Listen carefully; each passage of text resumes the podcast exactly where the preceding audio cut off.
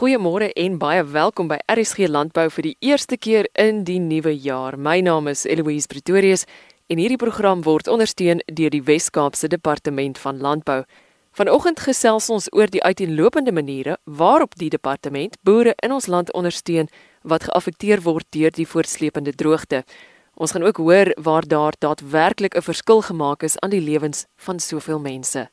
Asia Petersen is direkteur en programbestuurder volhoubare hulpbronbestuur by die Wes-Kaapse Departement van Landbou.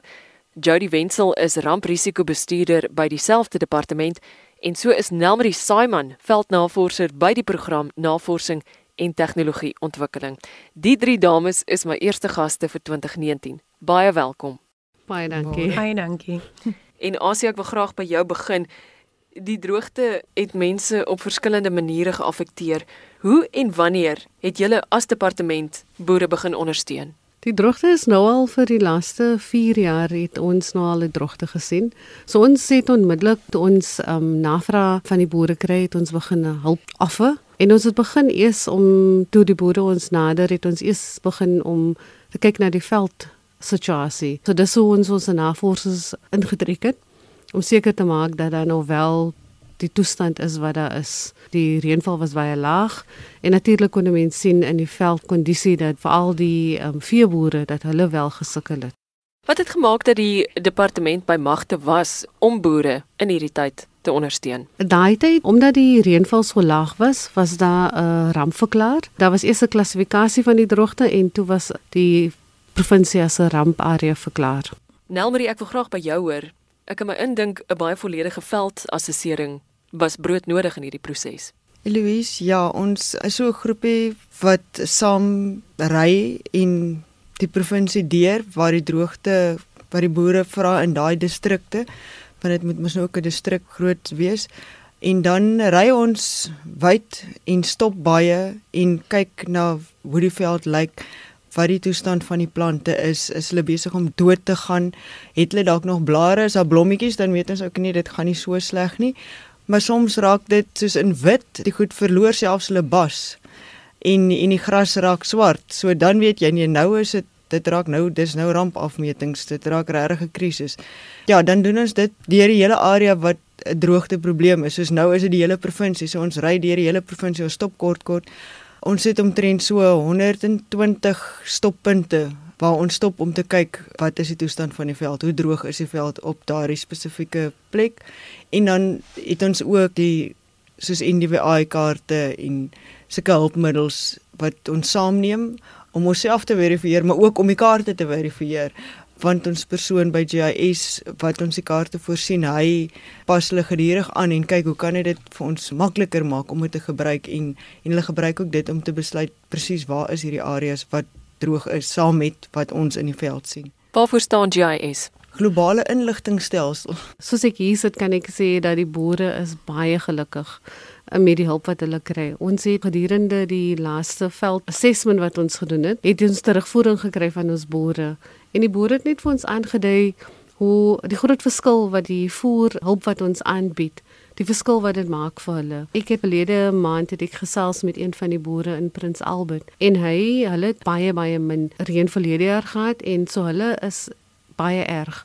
Hulle soos Anelmarie gesê het en aangedui het is die veld daar is swart, die gras is swart, die bossies is wit. En vir hom toe ek nou saam met hom en sy familie sit, toe sê hy maar as dit binnekort reën nie, dan gaan hy definitief sy vee moet skuif of almal moet verkoop. Hy is nou al 'n uh, generational boer. So die hulp wat ons wel aanbied maak 'n verskil vir hom. Vir hom was dit regtig lewe en dood. Ons gesels vanoggend met Asia Petersen, Jody Wenzel en Nelmarie Simon. Al drie van hulle is van die Wes-Kaapse Departement van Landbou, spesifiek oor maniere waarop die departement boere bygestaan het in die afgelope paar jaar. Jody, ek wil by jou hoor.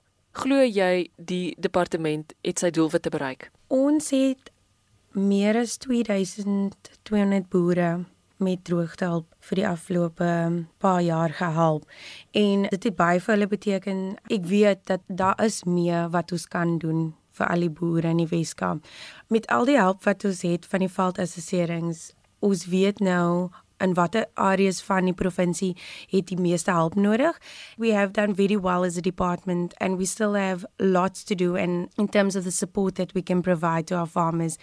With the information that we have and the new technology in the department and the database sets that we now have, fault assessments allow us to establish what is happening with the actual fault the officials and extension officers that we coordinate our responses with now are able to tell us what's happening on the ground, what areas are receiving better rainfall. They can give us information with regards to rainfall data sets out there. We also have partners that we as a department work with and integrate with that also provide us with information. Then our farmers in general, they the ones that will tell us dit is baie droog hier by my of julle gee help in daai area. Weet jy it hasn't rained here by us in a while. So they are also a good source of information and we've now been able to collate that data, put it together and when we do our applications for disaster support, especially pertaining to the drought, we as a province received quite a substantial amount of drought support, showing that the the type of information that we're putting through it really gives the people who are providing us with the funds a confidence that we are able to spend the money as accurately and honestly as we can throughout the province to help everyone. Nelmarie, daar gaan steeds 'n vraag na hulp wees in 2019. Prakties gesproke, hoe gaan julle dit aanspreek?